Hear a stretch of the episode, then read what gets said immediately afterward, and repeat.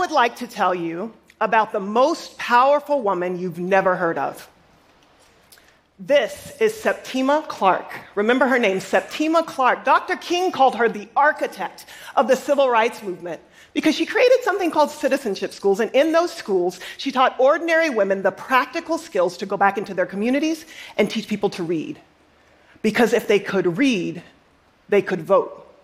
Well, these women took those organizing skills and they became some of the most legendary civil rights activists this country has ever seen. Women like Diane Nash, you may know her. She orchestrated the entire walk from Selma to Montgomery. She was the co founder of the Student Nonviolent Coordinating Committee, and they integrated lunch counters and they created the Freedom Rides. Or you may remember Fannie Lou Hamer, who sat on the floor of the Democratic National Convention and talked about being beaten in jail cells as she registered people to vote in Mississippi. And her most famous student, Rosa Parks, she said Septima Clark was the one who taught her the peaceful act of resistance. And when she sat down, she inspired a nation to stand. These were just three of her 10,000 students. These women stood on the front lines of change. And by doing so, they taught people to read in her citizenship school model and empowered 700,000 new voters. And that's not it. She created a new culture of social activism. Pete Seeger said it was Septima Clark who changed the lyrics to the old gospel song and made the anthem we all know We shall overcome. Now, many of you may know us. We are the co founders of Girl Trek, the largest health organization for black women in America. Our mission is simple ask black women, 80% of whom are over a healthy body weight, to walk outside of their front door every day to establish a life saving habit of walking in doing so, ignite a radical movement in which black women reverse the devastating impacts of chronic disease, reclaim the streets of their neighborhoods, create a new culture of health for their families, and stand on the front lines for justice. Today, all across America, more than 100,000 black women are wearing this Girl Trek blue shirt as they move through their communities. A heroic force we walk in the footsteps of Septima Clark. She gave us a blueprint for change making. One, to have a bold idea bigger than anyone is comfortable with. To two, root down in the cultural traditions of your community and lean heavily on what has come before. To three, name it. That one thing that everyone is willing to work hard for, a ridiculously simple goal that doesn't just benefit the individual, but the village around them. And to lastly, never ask permission to save your own life. It is our fundamental right as human beings to solve our own problems.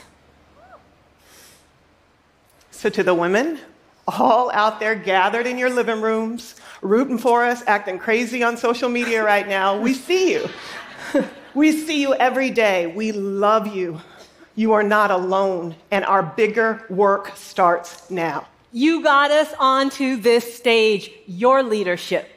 Auditing blighted streets in Detroit, working with hospitals and healthcare systems in Harlem, praying over the streets of Sacramento, Charlotte, Brooklyn, Flint, and every community that has seen trauma changing traffic patterns, making your streets safer, and most importantly, standing as role models.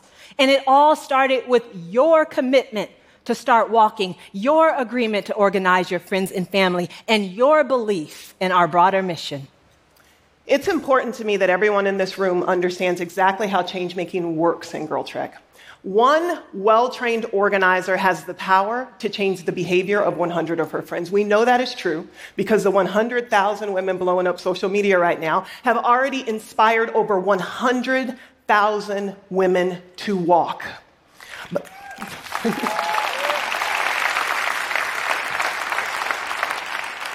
but that is not nearly enough. And so our goal is to create critical mass and in order to do that, we have an audacious plan to scale our intervention. A thousand organizers is not enough. Girl Trek is going to create the next citizenship school. And in doing so, we will train 10,000 frontline health activists and deploy them into the highest need communities in America. Because when we do, we will disrupt disease. We will create a new culture of health. And what we will do is create a support system for 1 million black women to walk to save their own lives.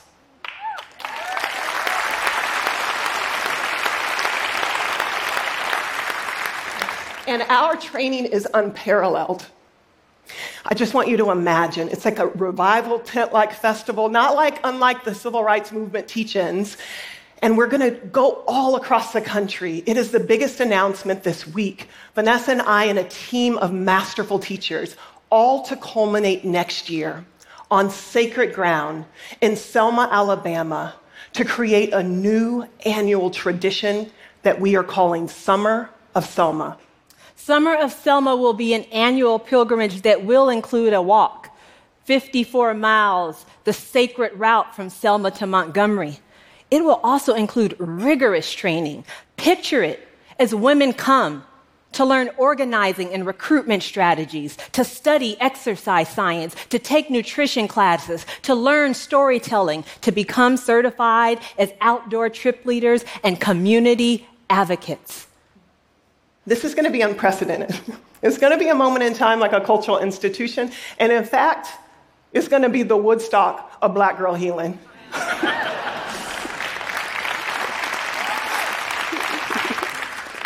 and the need, it's more urgent than ever. We are losing our community's greatest resource. Black women are dying in plain sight. And not only is no one talking about it, but we refuse to acknowledge that the source of this crisis is rooted in the same injustice that first propelled the civil rights movement.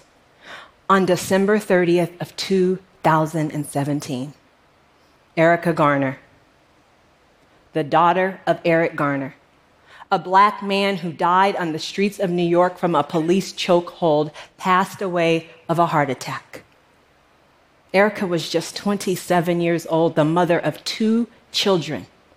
She would be one of 137 black women that day, more than 50,000 in the last year to die from a heart related issue. Many of their hearts broken from trauma.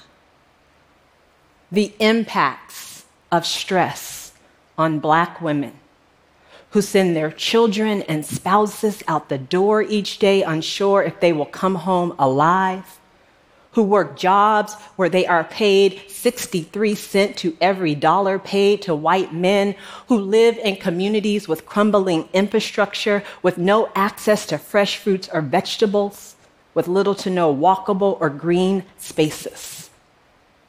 The impact of this inequality is killing black women at higher and faster rates than any other group in the country. But that is about to change. It has to. So let me tell you a story.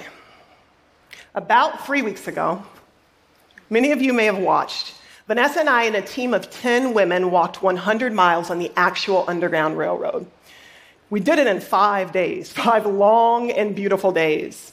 And the world watched Three million people watched the live stream. Some of you in here, the influencers, shared the story. Urban radio blasted it across the country. Even the E News channel interrupted a story about the Kardashians, which you've asked, if you asked us, is just a little bit of justice to report that Girl Trek had made it safely on our 100 mile journey.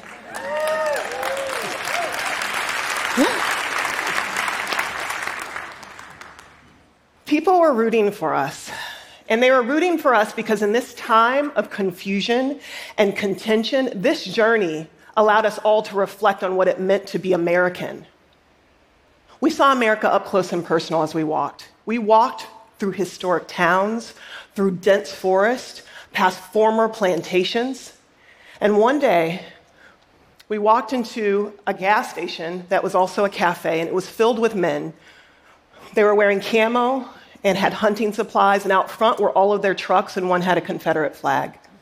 And so we, we left the establishment, and as we're walking along this narrow strip of road, A few of the trucks reared by us so close, and out of their tailpipe was the specter of mob violence. It was unnerving. But then it happened. Right on the border of Maryland and Delaware, we saw a man standing by his truck. The tailgate was down. He had on a brown jacket. He was standing there awkwardly. The first two girls in our group, Jewel and Sandria, they walked by because he looked suspicious. but the bigger group, we stopped to give him a chance. And he walked up to us and he said, Hi, my name is Jake Green. I heard you on Christian radio this morning, and God told me to bring you supplies. He brought us water, he brought us granola, and he brought us tissue. And we needed tissue because we had just walked through a nor'easter. It was 29 degrees. It was sleeting on our face. Our sneakers and our socks were frozen and, and wet and frozen again. We needed that tissue more than he could have possibly understood. So on that day, in that moment, Jake Green renewed my faith in God for sure, but he renewed my faith in humanity. We have a choice to make. In America, we can fall further into the darkness of discord or not. And I am here to tell you that the women of Girl Trek are walking through the streets with a light that cannot be extinguished. They are also walking through the streets with a mission as clear and as powerful as the women who marched in Montgomery that disease stops here, that trauma stops here. And with your support and in our ancestors' footsteps, these 10,000 newly trained activists will launch the largest health revolution this country has ever seen. And they will return to their communities and model the best of human flourishing. And we, we will all celebrate because, like Jake Green understood, our fates are intertwined. Septima Clark once said, the air has finally gotten to a place where we can breathe it together. And yet, the haunting last words of Eric Garner were, I can't breathe. And his daughter Erica died at 27 years old, still seeking justice. So we, we're going to keep doing Septima's work until her words become reality, until black women are no longer dying until we can all breathe the air together.